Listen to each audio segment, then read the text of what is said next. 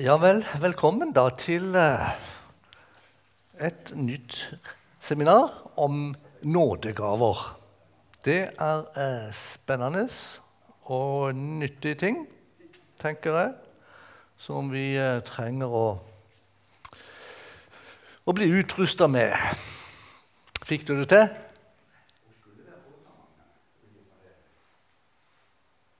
Ja. Ok. Jeg får snakke høyt. Kan vi ikke be litt sammen først?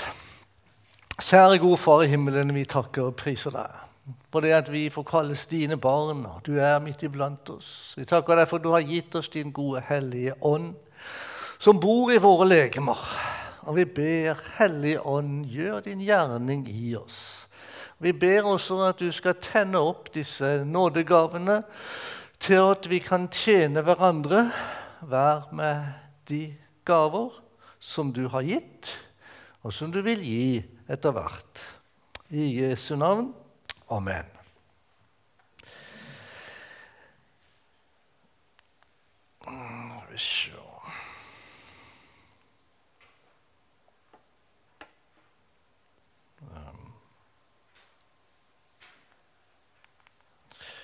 Nå må jeg bare se hvorfor ikke det er noe som virker her nå plutselig.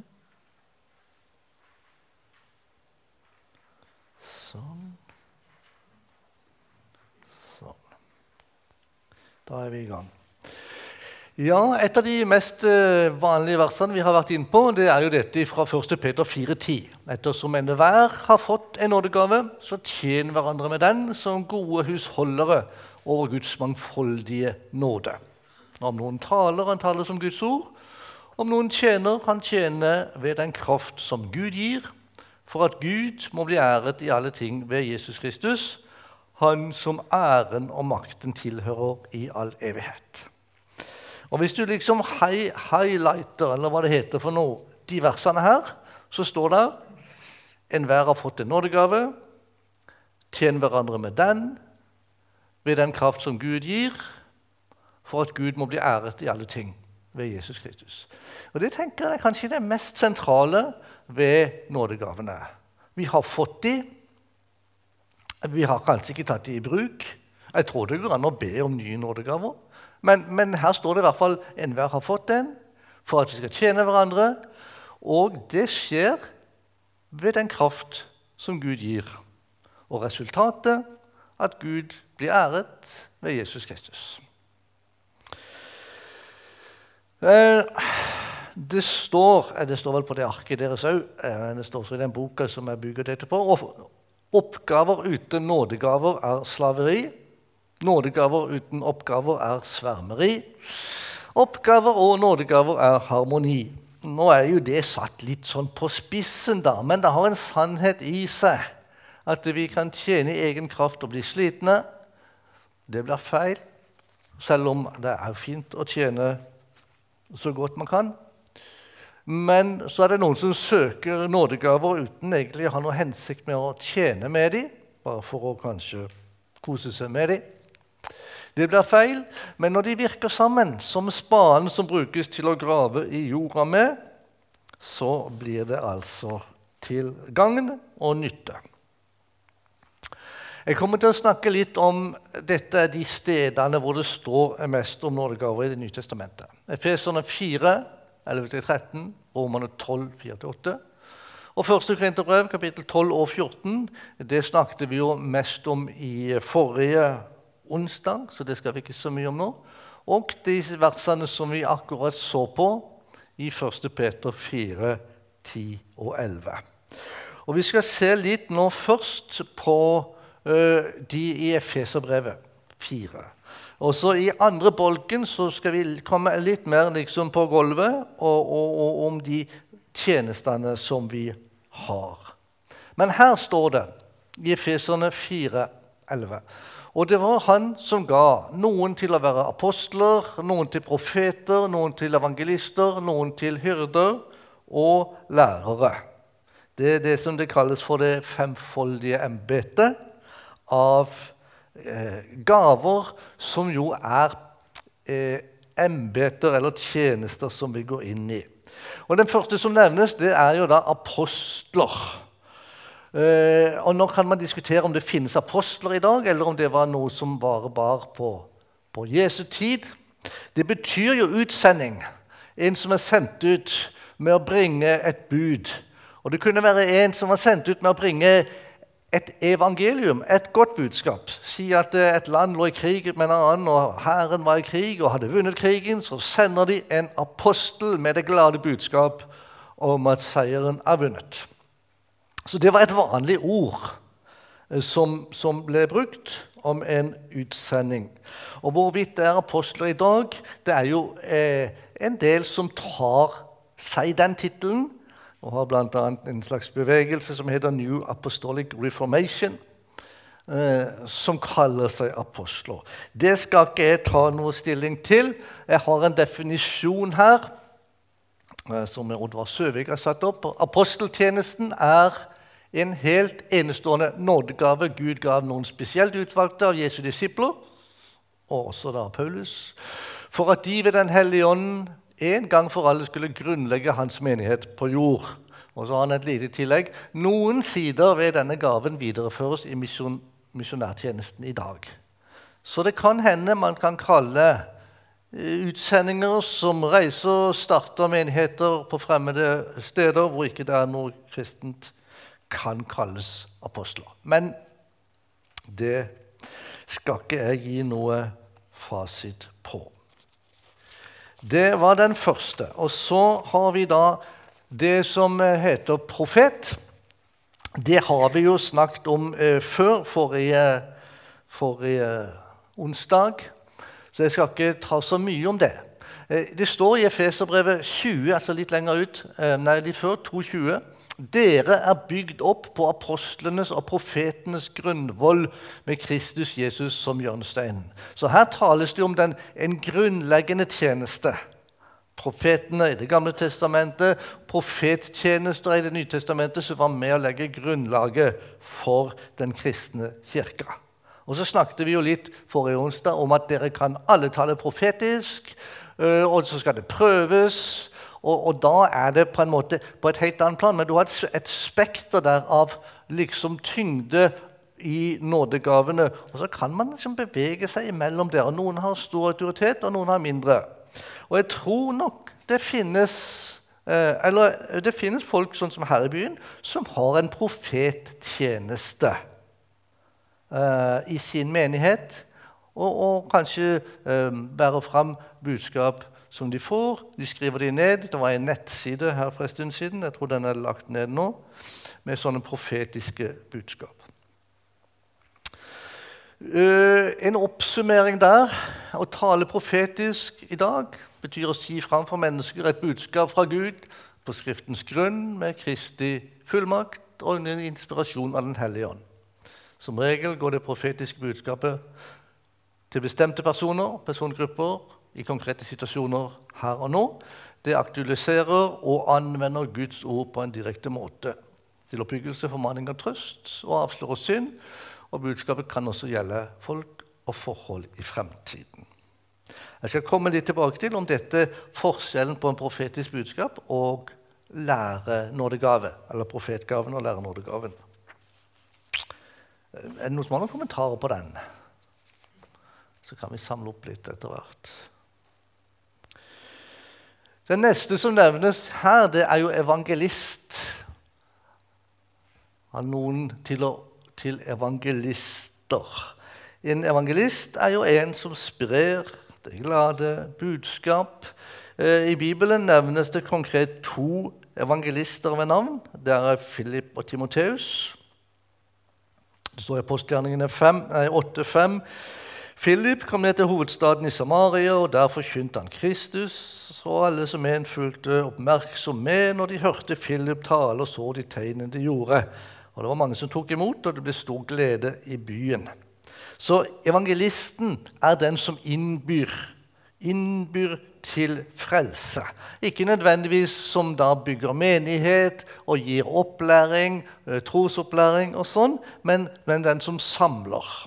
I, en av de mest kjente evangelistene i vår tid var jo Billy Graham, som var en sånn en som sanka inn store skarer for Guds rike. Og, og han jobba jo også med å, å, få disse inn i fellesskap, hvor de altså kunne vokse. Men evangelisten er den som sanker. Reinhard Bonke er vel òg en sånn en sanker. Og det er folk her i Misjonshuset som har den gaven. De går ut på gata og eh, vitner om Jesus, innbyr mennesker og, eh, og gleder seg over det.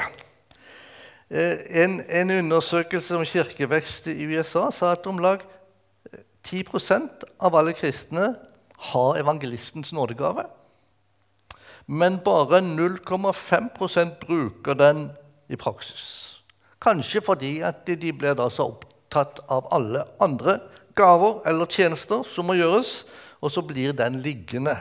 Så noe av hensikten med å utruste til nådegaver i funksjon er jo også å frie evangelistene til å gå ut og innby, sånn at menigheten kan vokse. Så en eh, oppsummering av evangelistnådegaven, da. Det er nådegaven til, nådegaven til, å være evangelist, evangelist består i å forkynne evangeliet om Jesus både i sin lokalmenighet og andre steder, med åndelig autoritet og kraft, slik at mennesker blir frelst. Altså evangelisten som er med og høster inn. Det neste som nevnes, ja, det er hyrder. Det var han som ga noen til apostler, noen til profeter, noen til evangelister og noen til hyrder. Uh, hyrde er jo også oversatt eller brukes som pastor og eldste. Eh, opprinnelig, eller eh, egentlig betydning, er jo en som gjeter sauer.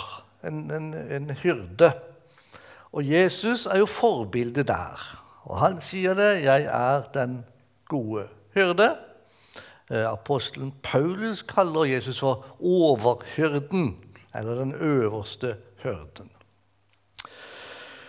Når Paulus taler eh, til de eldste i Efesus en gang han er på gjennomfart og stopper så vidt opp der og kaller til seg de eh, eldste fra menigheten, så sier han det der det står i apostelgjerningene 20.: Ta vare på dere selv og på hele den flokken som Den hellige ånd har satt dere til å være tilsynsmenn for. Vær hyrder for Guds menighet, som han vant ved sitt eget blod. For jeg vet at når jeg er dratt bort, vil glupske ulver trenge inn blant dere. De skåner ikke flokken.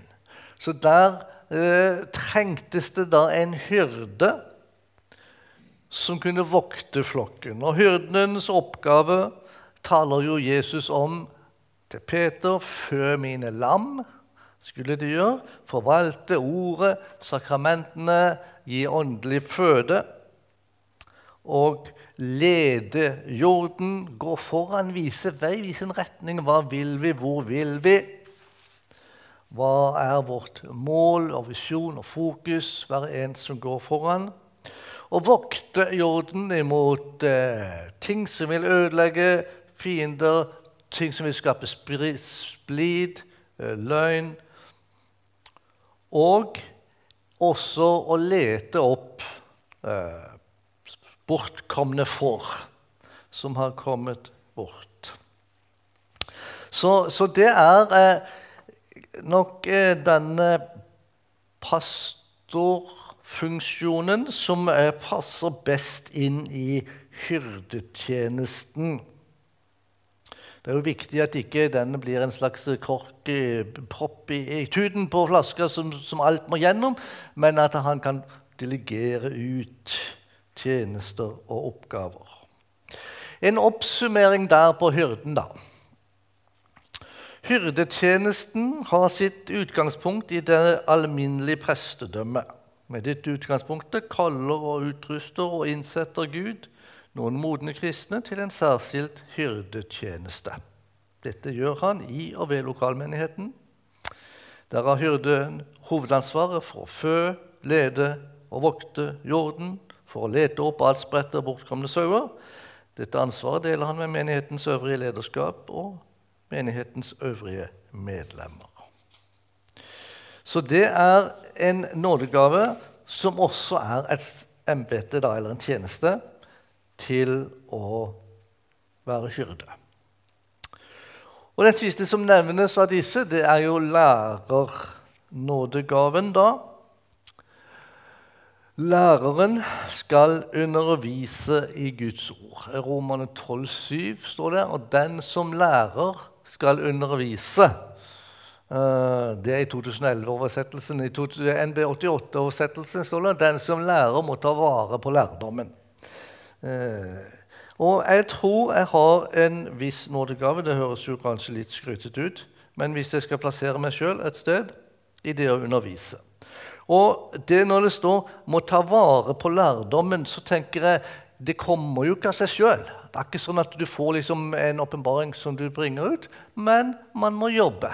Studere Bibelen, studere kommentarer, lese hva andre har skrevet. Og så sette det sammen og presentere det som en undervisning som skal virke til oppbyggelse formaning og trøst for folk. Og eh, jeg trives godt med det. Jeg liker det å reise rundt og ha bibeltimer og temaer om det. Så når det står lærernådegaven, så kan du si lærernådegaven består i å forkynne hele Guds plan og vilje til liv og vekst for menigheten og den enkelte kristne. Ved denne undervisningen aktualiserer læreren ordet inn i tilhørende situasjon, slik at det blir mottatt, forstått og etterlevd. Og Vi trenger disse nådegavene, da. Nå er det jo litt usikkert, dette med aposteltjenesten. Eh, men så er spørsmålet, og det ble vel sagt her på søndag kanskje, litt om at eh, når det gjelder profettjenesten, handler det først og fremst om å forkynne ordet. Er det er forkynnelse det samme som profetisk tale? Og jeg tenker ikke nødvendigvis, men både ja og nei. Alle disse fem gavene eller tjenestene har jo i seg forkynnelse. Apostelen, i den grad vi har apostler i dag, forkynner jo evangeliet og danner nye menigheter i nye områder hvis det er en, en rett forståelse av aposteltjenesten. Profetene, de som har profetisk gave, de bærer jo dette fram muntlig eller skriftlig, gjerne inn i forkynnelsen. Altså Hvis det er en som har profetisk gave, forkynner Guds ord, så vil elementer av forkynnelsen være ting som han eller hun har mottatt direkte og bærer inn, og som er til den og den akkurat der og da. Men det har i seg forkynnelsen. Evangelisten har jo forkynnelse i seg. Altså, i hvert fall Hvis du er evangelist i en møtesammenheng, så, så, forkynner du evangeliet og innbyr til frelse. Så, så, det er en del av tjenesten. Men en evangelist vil jo også gå ut på gata og snakke med folk.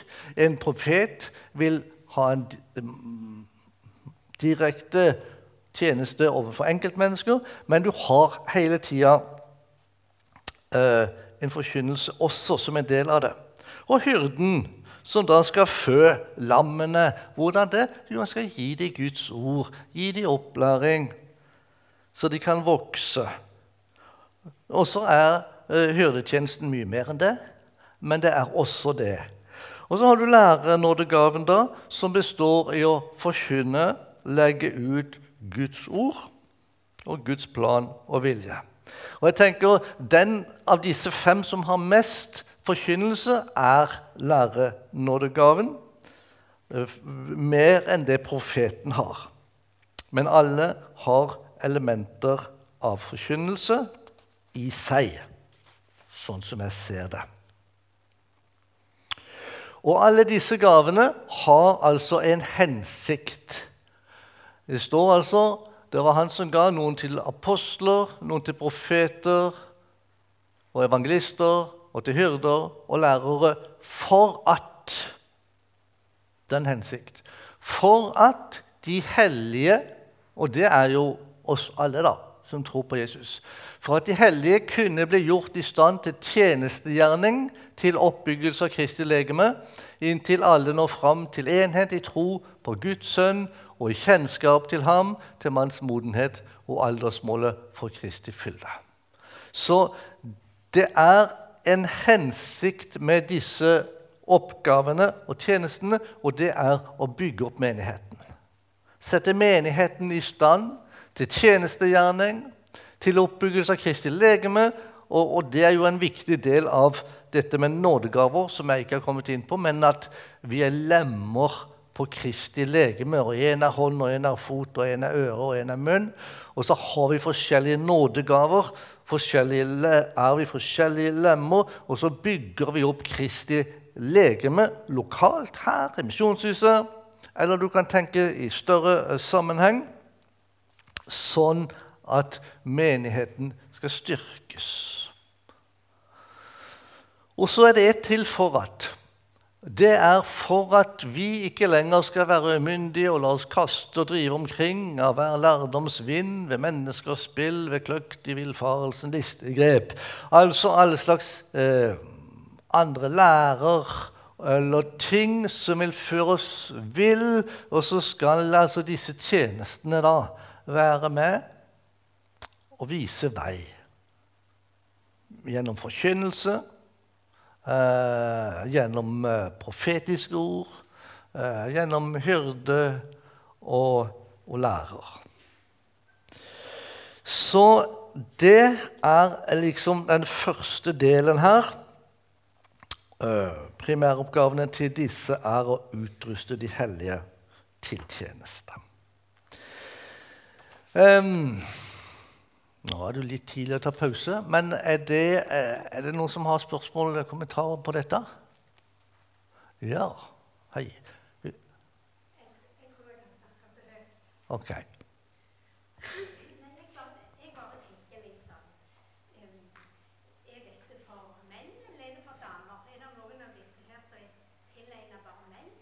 Det var et godt spørsmål, ja.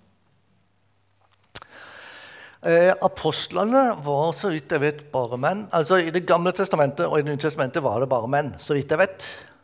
Nei, ikke, nei nå tar jeg feil. Det var profeter, det var kvinnelige profeter i Det, gamle, i det nye testamentet.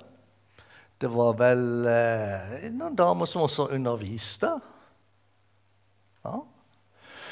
Eh, hyrder har vel foreløpig hos oss vært forbeholdt menn, men eh, du lurer på hvordan det er hos oss her i dag, eller hvordan det var på Jesu tid?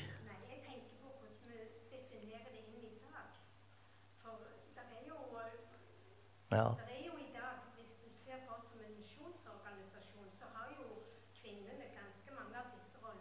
Ja. misjonsmarka. Ja til dels her i Norge òg. Men vi har fremdeles et hovedstyre. Er de da ja. Om hovedstyret? Ja.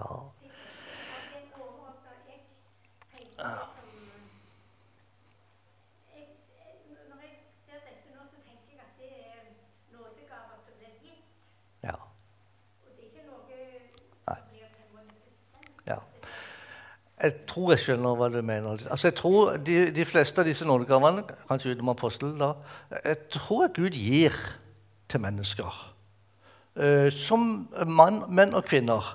Men om de skal bli brukt til å tjene uh, som en slags jobb, uh, tjeneste inn i Misjonssambandet, det er det jo da hovedstyret som bestemmer. Og da kan man jo være enige eller uenige om uh, kvinner kan være hyrde i en menighet. Men at en kvinne kan ha en hyrde nådegave, det tror jeg. Og, og, og fungere som det. Men det er ikke sikkert hun får lov å ha det som en tjeneste i menigheten hvis ikke hovedstyret har gitt en godkjenning på det. Var det et slags svar? Ikke helt.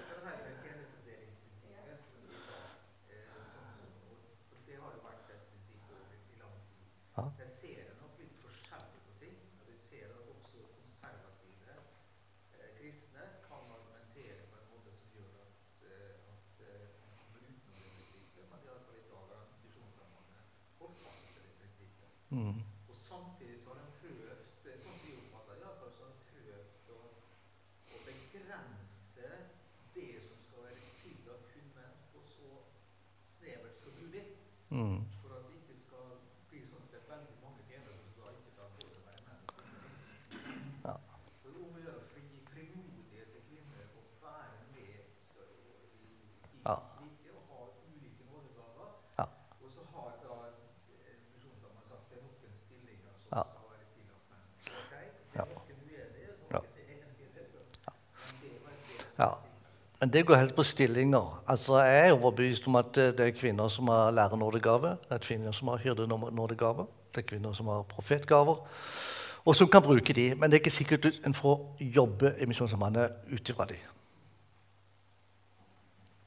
Andre ting? Ja, du på min venninne da, som sto fram og sa bare til noen ganske få Jeg skal være profet.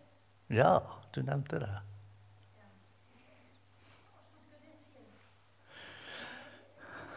Som Guds ord. Ja. Ja vel, du kom til Norge og ble valgt til å være leder for et større misjonslag. Mange små land. Du utgjorde dette misjonslaget Mm. i Indre Ryfylke. Ja. Så, så sa hun det Nei, det går ikke an. Det er i misjonssambandet. Det går ikke an å ha med til det. Så svarte de at eh, hvis det ikke går an, så melder vi oss ut av misjonssambandet. Det er du som skal være leder nå. Nei, det går ikke an for for meg å komme inn til kretssekretæren og si det. Jo, men vi vil det. Det er du som skal være det. Vi vet det. Ja. Og da kan ikke kretssekretæren han kan si hva han vil. Mm. Hadde hun en profetnådegave, kanskje? Eller hadde hun en hyrdenådegave? sa det selv at eh, nå, fordi hun strevde så veldig med det Guds nådegave hun hadde. Mm. Så dette ba hun over, og vi var flere som var med og ba over for å vite hva slags nådegave hun hadde. Så sto hun fram en profetnådegave, og så sa hun en hyrdenådegave?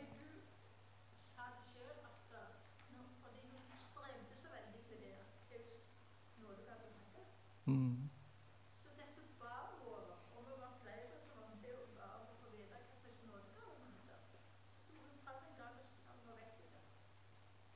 At det er profet. Ja, ja så bra. Hun sa ikke det på den gangen. Hun sa ikke det til Kreti og Pleti at Nei. nei. Mm. nei, dette var noe som hun sa bare i en nei. liten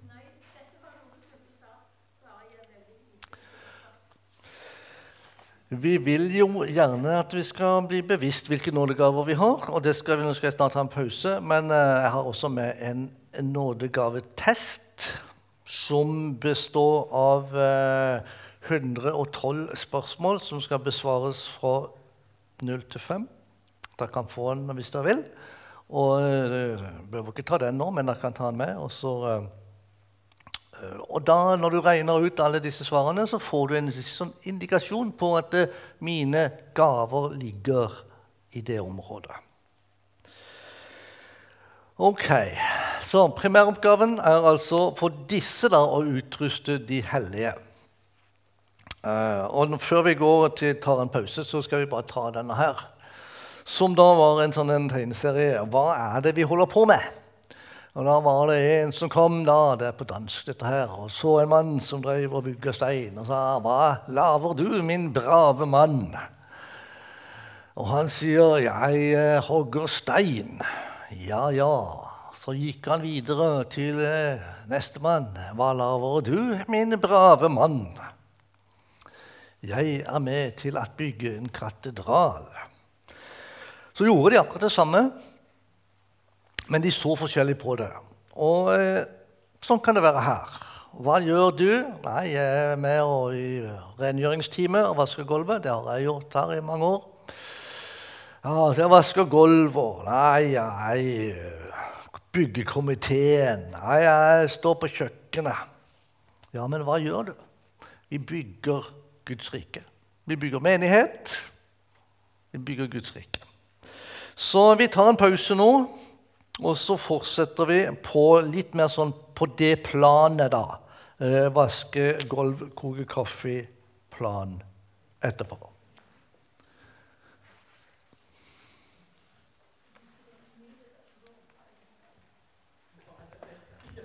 Så er det noe kaffe og noe snadder her ute. Jeg bare trykker av.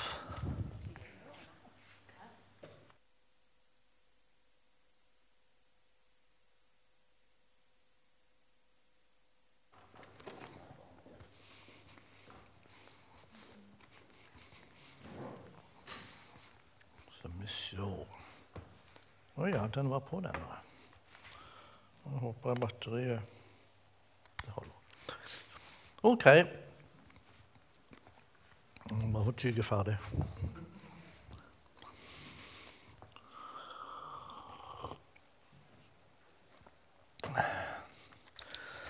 Ja, da går vi litt videre og prøver liksom å lande litt på gulvet. Men litt sånn mer som er aktuelt for oss her i Misjonshuset når det gjelder nådegraver. da. Eh, ja, her hadde vi jo da de som vi begynte med. Og det handler om å tjene med den kraft som Gud gir, for at Gud skal bli æret. Et annet sted som det står om disse nådegavene, er jo i Romerbrevet 12. Der står det nevnt syv gaver. Alt etter den nåde som er oss gitt, har vi ulike nådegaver. Om noen har profetisk gave, la ham bruke den i samsvar med troen. Det er den som har en tjeneste, ta vare på tjenesten. Den som er lærer, må ta vare på lærdommen. Den som formaner på formaningen. Den som deler ut gaver, må gjøre det med redelig sinn. Den som er forstander, må være det med iver. Den som øver barmhjertighet, må gjøre det med glede. Og Nå har vi jo snakket litt om den profetiske gave, som da går ifra profetenes grunnvoll, Gamle testamentet, autoritet, til det at eh, dere kan alle tale profetisk, og så skal de andre prøve det på Guds ord.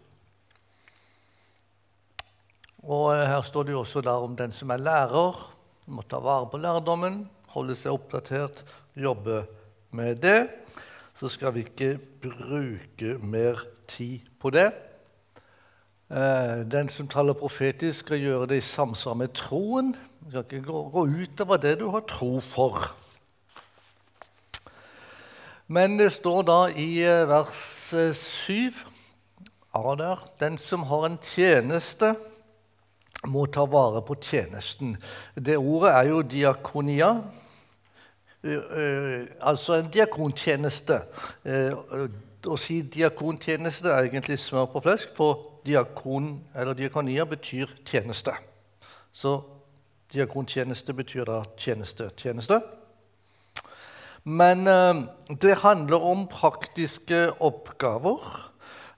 Det ble jo brukt da i apostelgjerningene når det begynte å bli spørsmål om å dele ut mat.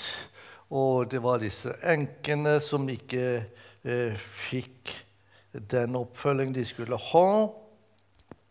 Det står i apostelgjerningen 6. På den tiden, da tallet av disipler stadig steg, kom de gresktalende jøder med klage mot de hebraisktalende, fordi deres egne enker ble tilsidesatt ved den daglige utdelingen. De kalte da sammen alle disiplene og sa det ville være galt om vi forsømte Guds ord for å gjøre tjeneste ved bordene. Velg nå ut blant dere, brødre, sju menn som har godt ord på seg og er fylt av ånd og visdom. Dem setter vi til denne oppgaven. Så skal vi vise vie oss til bønnen og ordtjenesten ved ordet. Dette forslaget ble tatt godt imot av hele forsamlingen, og de valgte Stefanus, en mann fylt av tro og hellig ånd, og Philip, Prokorus, Nikanor, Timon og så noen flere. Og disse ble ført fram for apostlene, som ba å la hendene på dem. Og så ble de innsatt som diakoner til tjeneste der i menigheten.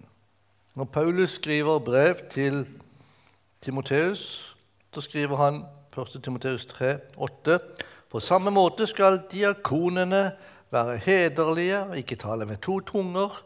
De må ikke drikke for mye vin eller være ute etter skammelig vinning. Så disse diakonene, da, som altså har en tjeneste, praktisk tjeneste eller en omsorgstjeneste mer, viser men omsorg for menigheten, særlig de som lider, og også for mennesker utenfor menigheten. En eh, oppsummering på det. Diakontjenesten er den oppgave enkelte kristne kalles og utrustes til av Den hellige ånd for å ivareta menighetens omsorg for nødlidende, særlig blant menighetens egne medlemmer, men også for andre som lider nød.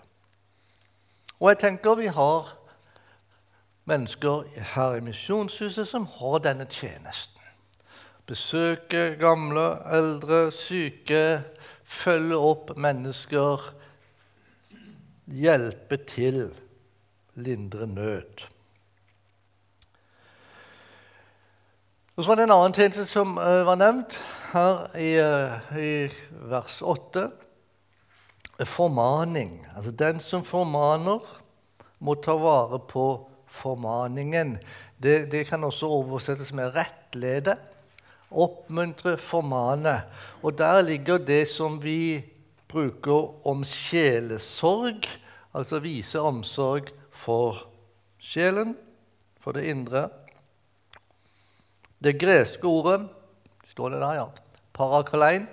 Formane, trøste, oppmuntre, tilskynde og gi råd. Og Ligner mye på sjelesorg. Bortsett fra sjelesorg skal vi helst ikke gi for mye råd, men heller hjelpe mennesker til å tenke hva som er best selv. Om Paulus sier om seg sjøl vi formante, oppmuntret og ba dere inntrengende om å føre et liv verdig for Gud, Han som kaller dere til sitt rike og sin herlighet. Det er noe av denne formaningen, sjelesorgen, omsorgen. Vi formante og oppmuntret og ba dere inntrengende om å føre et liv verdig for Gud, Han som kaller dere til sitt rike. Og Det er en eh, viktig oppgave i menigheten. Noen man kan gå og snakke fortrolig med. Man kan uh, bekjenne synd for, man kan bli bedt for, Ja, skriftemål, man møter Man er trygg på taushetsplikten. Og jeg tror det er flere her i menigheten som har den nådegaven. Og vi trenger å ha fremodighet til å bruke den. Nå har vi jo starta opp et, eh, noe som heter Nettverk for sjelesorg her eh, på Sørlandet.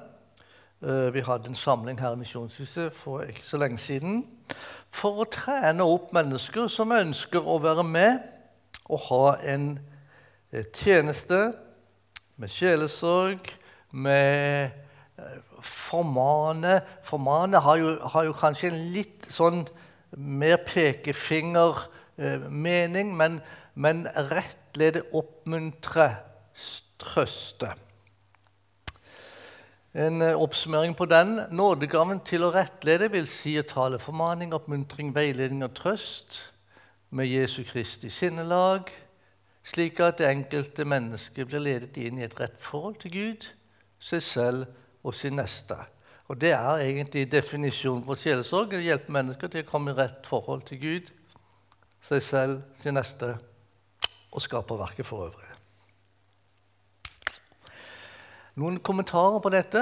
Har vi eh, folk i menigheten her som har denne nådegaven? Eller diakonnådegaven? Tjenestegaver? Jeg tror vi har det. Eh, en annen som nevnes Fortsatt er vi i Romane 12, 8. Den som gir av sitt eget, skal gjøre det uten baktanker. Altså, det taler om en, en gave til å gi. Og den som gjør det, skal gjøre det uten baktanker, med å få ære av mennesker eller få en viss innflytelse Eh, kanskje til og med poeng hos Gud. Jeg vet ikke. Man kan ha mange eh, baktanker med det å gi.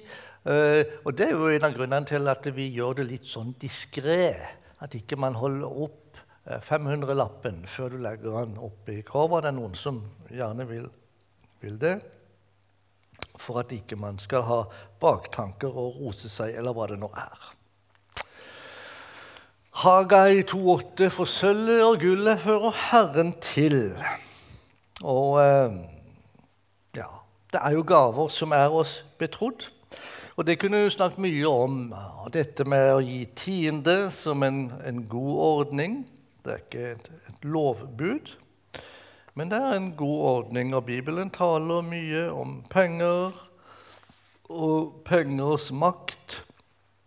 Hebreabrevet 13,5 sier, 'La ikke kjærlighet til penger styre livet.' Men nøy dere med det dere har, for Gud har sagt, 'Jeg svikter deg ikke og forlater deg ikke'. Og det, det er et visdomsord. Og det står også mye om at det er, det er velsignelse i å gi. Og eh, vi har jo veldig mange som gir her i Misjonshuset og i Misjonssambandet. Vi er så vant til det at vi tenker det er naturlig, men for mennesker som er fremmed for Guds rike, dette, de ville synes det var helt rart at folk gir tusenvis av kroner, og så får de ikke noe igjen, og så bare vekk med det. Men vi gjør det som en tjeneste for Gud. Men så er det noen som har en spesiell nådegave til dette. da som ikke bare gir i kollekt, som ikke spør hvor mye av mine penger skal jeg gi til misjonen, men som spør hvor mye av de pengene Gud har betrodd meg, skal jeg beholde selv? Altså måten å se det på. Og så har vi altså mennesker som har en nådegave til å gi i det stille og bære Guds rikes arbeid. En oppsummering på den. Nådegaven til å gi er en særskilt nådegave Ånden gir til enkelte troende, slik at de frivillige og glade kan stille hendene sin eiendom og inntekt til disposisjon for Guds rikes arbeid. Og igjen så er det jo sånn at eh, alle gir, eller alle kan gi, noen har en spesiell nådegave. Alle kan hjelpe, noen har en spesiell nådegave til det. Og eh, ja, alle kan vise omsorg, men Gud bruker og utruster noen i sterkere grad enn andre og, og gir dem en nådegave til, det, altså, til dette.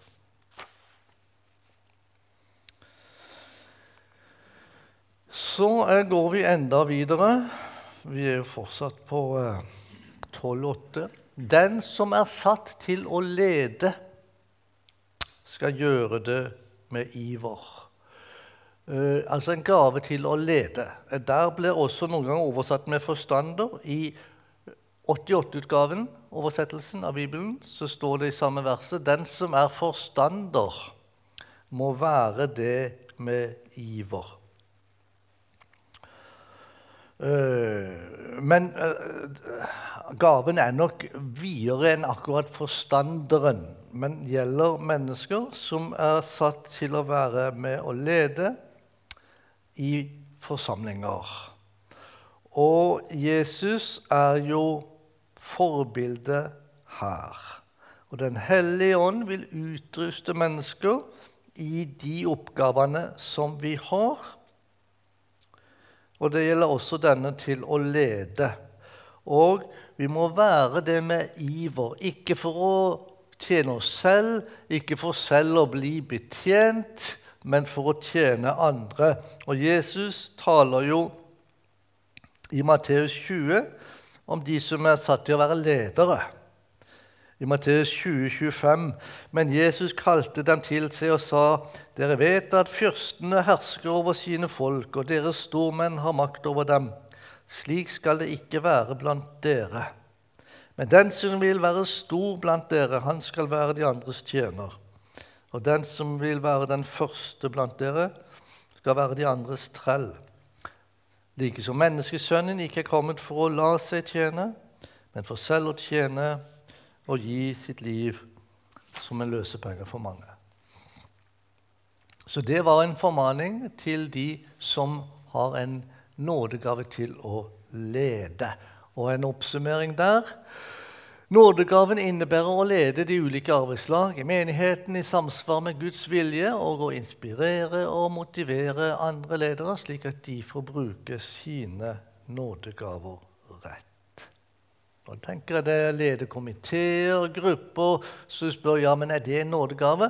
Hvis du gjør det som en tjeneste for Gud, og opplever at du får både en, en, en glede, men også en kraft i det, ja, så tenker jeg da er det Gud som utruster deg. Og man kan holde ut i mange år i en sånn tjeneste når en øh, gjør det med den kraft som Gud gir, og den visdom Gud gir. Ok? Skal vi bare kjøre videre? Den som øver barmhjertighet, må gjøre det med glede. Uh, står der sist i denne ramsa. Det første var jo den som har en tjeneste, altså en diakontjeneste. Nå kan de virke veldig lite, da. Vi liker da. En diakontjeneste tar seg av de svake, de som lider, og den som øver barmhjertighet. Men Paulus han har i hvert fall skilt det ad. Den ene står først, og den andre står sist, men de er nokså like. Vi er jo alle kalt til å vise barmhjertighet. Matteus 5,7.: Salige er de barmhjertige, for de skal få barmhjertighet. Så det skal vi alle gjøre, fordi Jesus bor i oss, og vi skal vise godhet.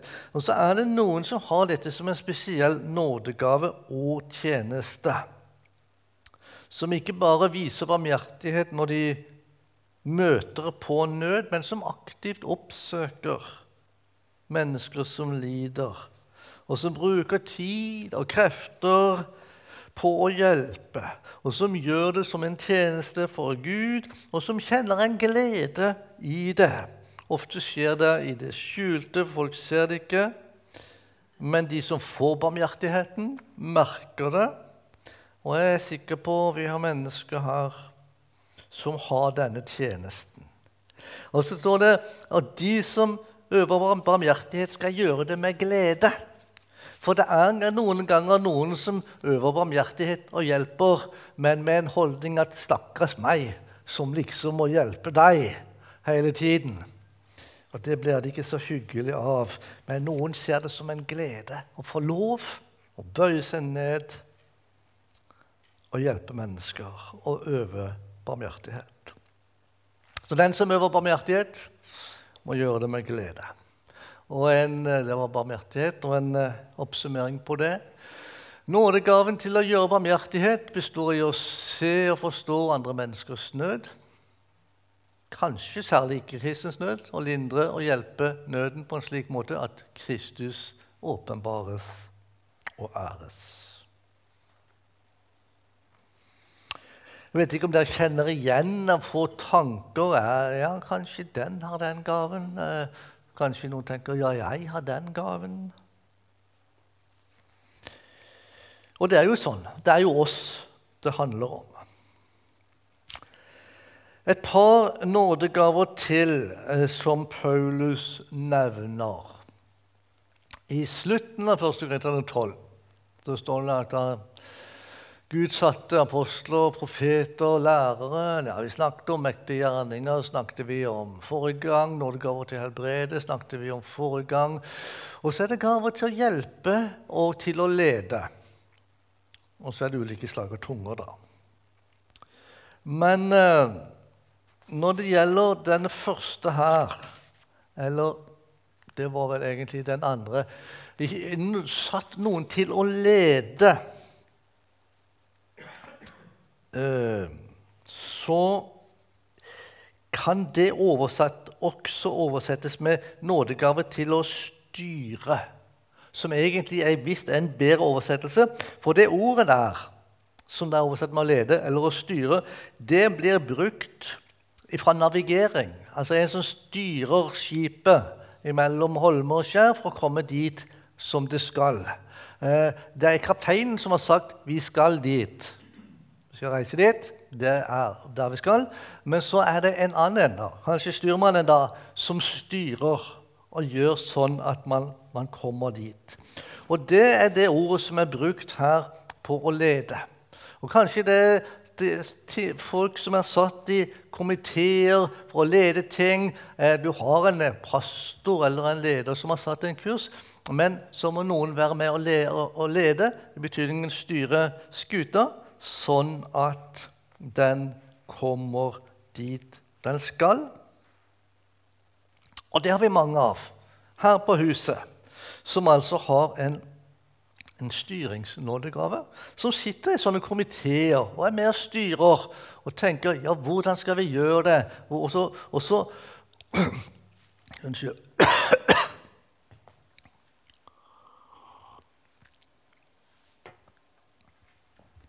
Og kanskje har gjort det i mange år som en tjeneste for Gud med den kraft som Gud gir. Styringsgave, lede og administrere. Nådegaven til å styre er en tjeneste Ånden kaller og utruster noen til, slik at de blir i stand til å utføre de administrative arbeidet som må gjøres for at menigheten skal nå de mål den har satt seg. Så det er ikke nødvendigvis de som setter målene, men hvordan skal vi komme dit? Og I tillegg så har man da eh, I kirken har også Gud satt noen til å hjelpe hjelpetjenester. Da kan man jo tenke på folk som hjelper til, holder bedehuset rent, bærer stoler, pynter, lager mat, koker kaffe. Det kan man selvfølgelig gjøre uten noen nådegave også, men hvis du holder på år ut og år inn uten å gå trett, og gjør det som en tjeneste for Gud, og attpåtil har glede i det, så tenker jeg at Gud utruster til den nådegaven. Og de får gjerne ikke så mye takk, sånn som predikanter og sangere som står på podiet, men de er like viktige i Guds rike. Nå er det jo ikke sånn at nødvendigvis alt er nådegaver, men Gud kan altså bruke naturgaver og eh, på en måte ja, hellige de i en tjeneste for seg. da. Men det kommer jeg litt tilbake til. Hjelpetjenesten består i ulike former for praktisk hjelp i menighetens liv. Og mange har sånne nådegaver her. Ok, Er det noen som uh, har noen uh, kommentarer? Så er det bare å bryte inn med en gang.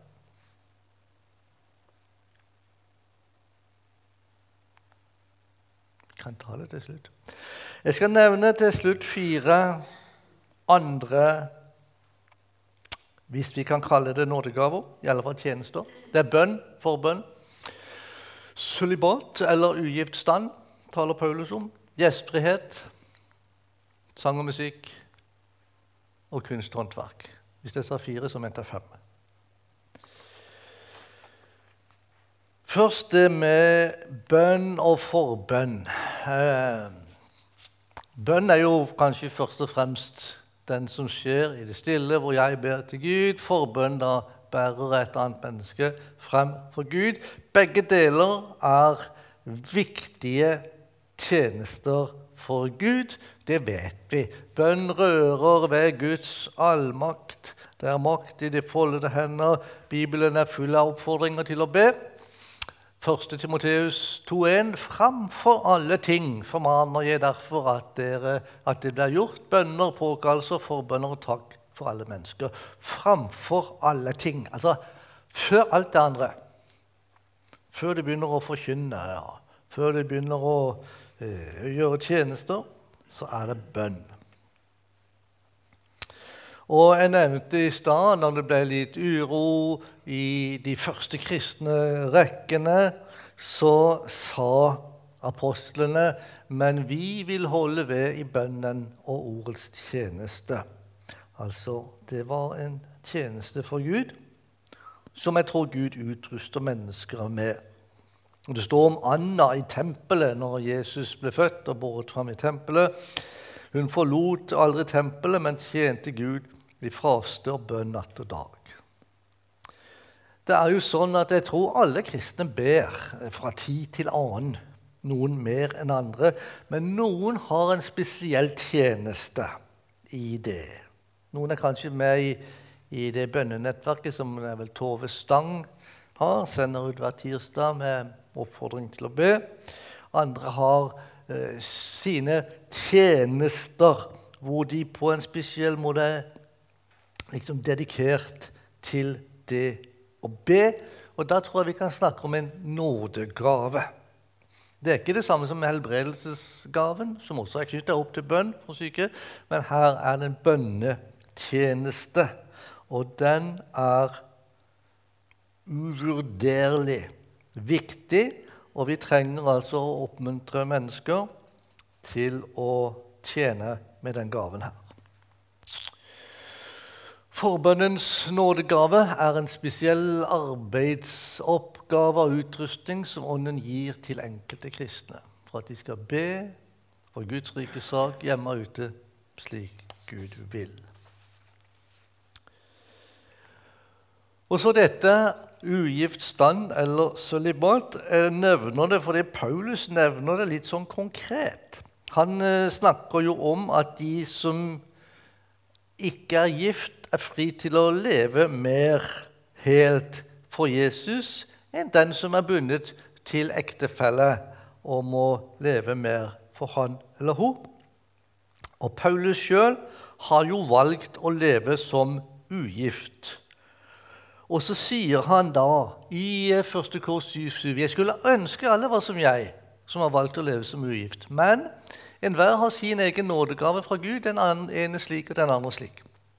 Og Her virker det som om Paulus eh, regner da dette å leve ugift eller sølibat som en nådegave som eh, Gud kaller noen til, eller de velger det sjøl. Og eh, Oddvar Søvik skriver en kort kommentar om dette. Den Gud kaller til å leve ugift, vil han også gi kraft til å leve slik.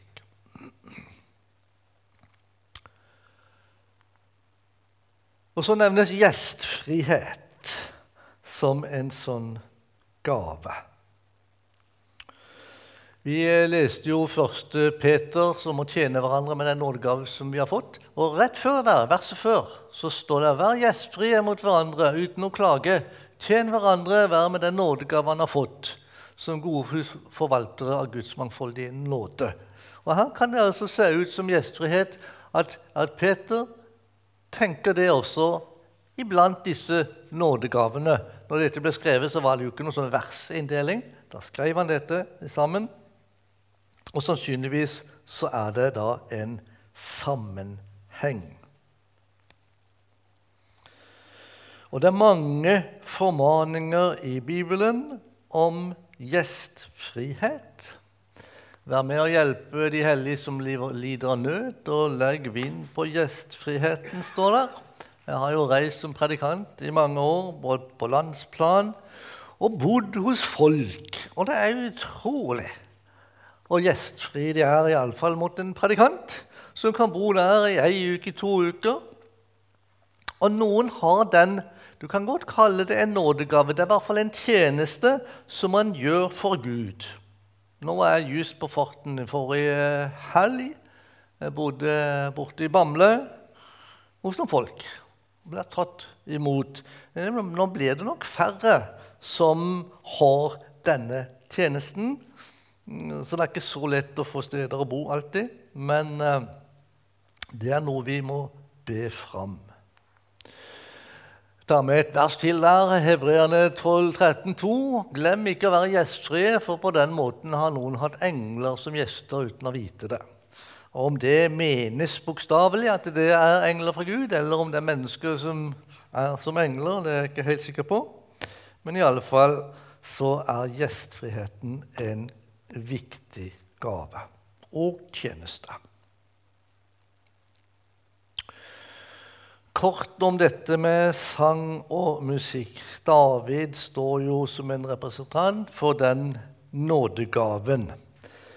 Og det kunne også være selvfølgelig å skrive salmer, skrive dikt osv.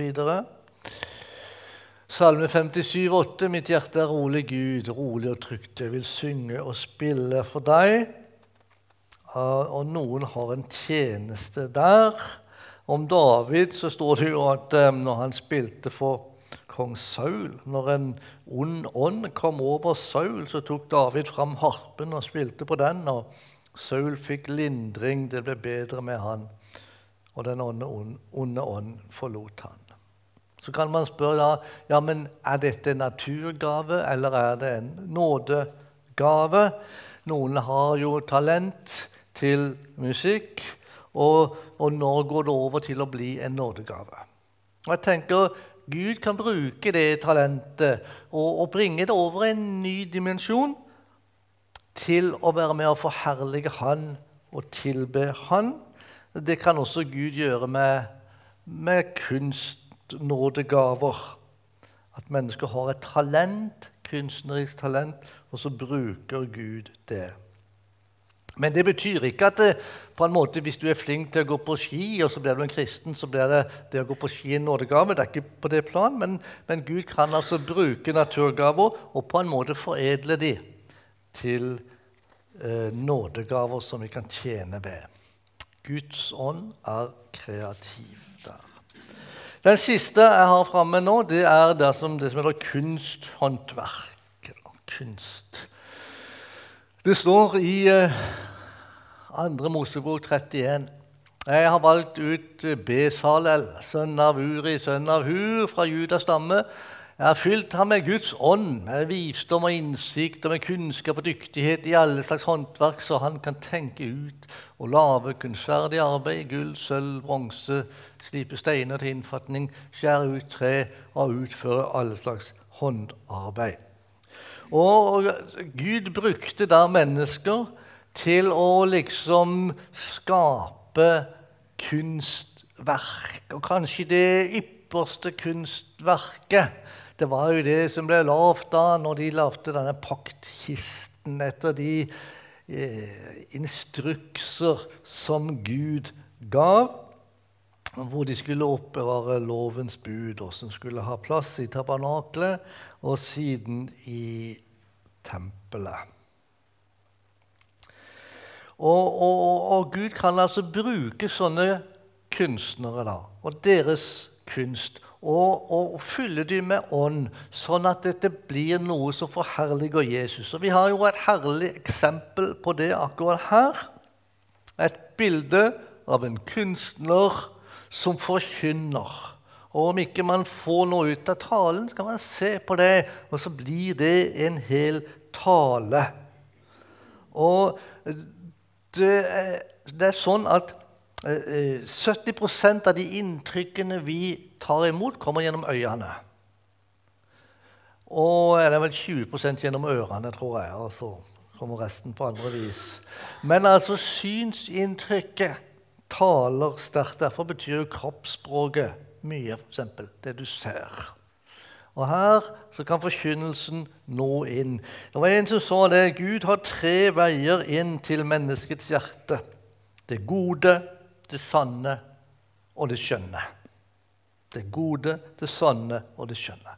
Det gode evangeliet, sannheten i Guds ord, men også det skjønne som Gud kan gi oss og vise oss. Så når Gud fyller kunstnere da, med sin ånd, så kan deres arbeid bli en døråpner for evangeliet inn i menneskers liv. Noen kommentarer så langt til dette. Går det for fort? Ja.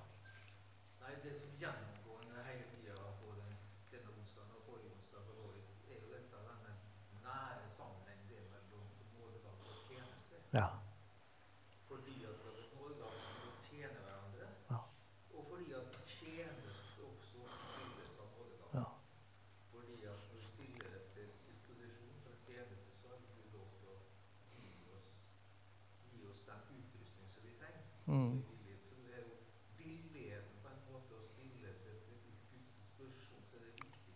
Ja. Og så kan Gud forfylle oss med nådegave. Av og til så vet vi ikke akkurat nøyaktig hva slags nådegave vi har. Mm. Av og til er vi trygge på at dette er en den nådegave. Ja. Men jeg tror det viktigste er å få oss til å være i tjeneste. Ja. Og kjenne Mm. Med løftet om at Gud vil fylle oss med Mm. nåde og utrustning. Ja, ja, absolutt. Slik at vi får gleden ved å være med i arbeidet og i tjenesten. Ja. Så er det så viktig for at det også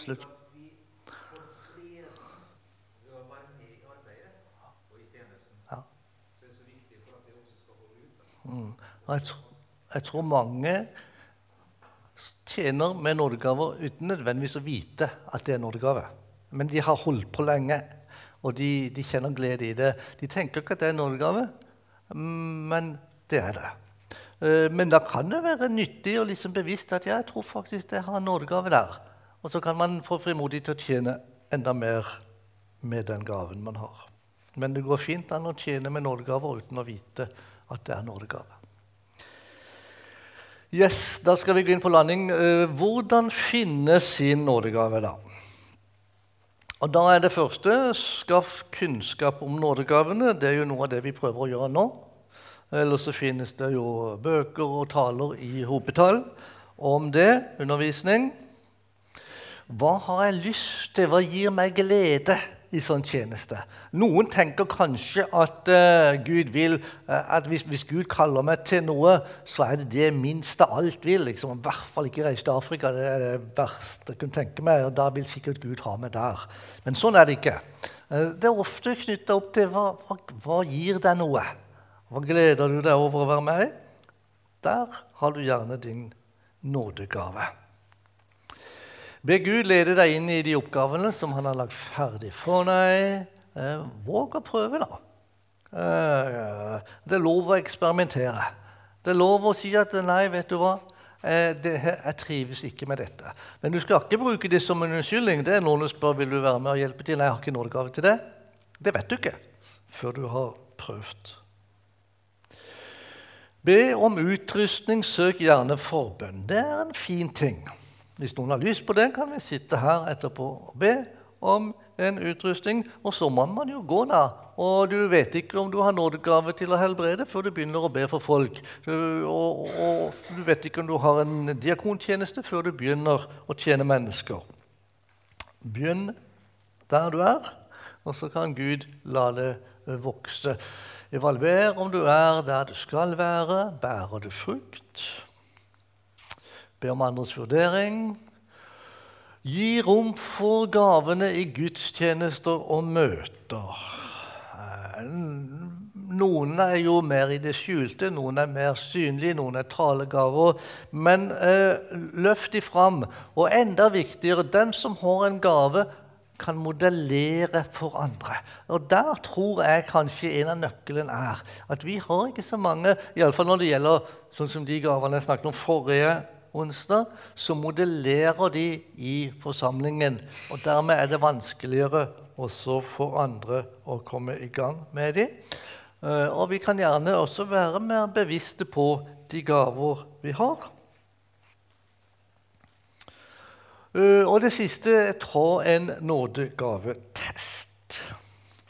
Og da har jeg altså som sagt med meg det. Der kan dere få, hvis dere vil. Jeg har fått tillatelse fra Oase til å bruke den her. Eh, Det er litt arbeid, da, så hvis du er interessert, så kan du gjøre det. Hvis ikke, så trenger du ikke. Det var det jeg hadde eh, å si. Er det noen som har noen spørsmål?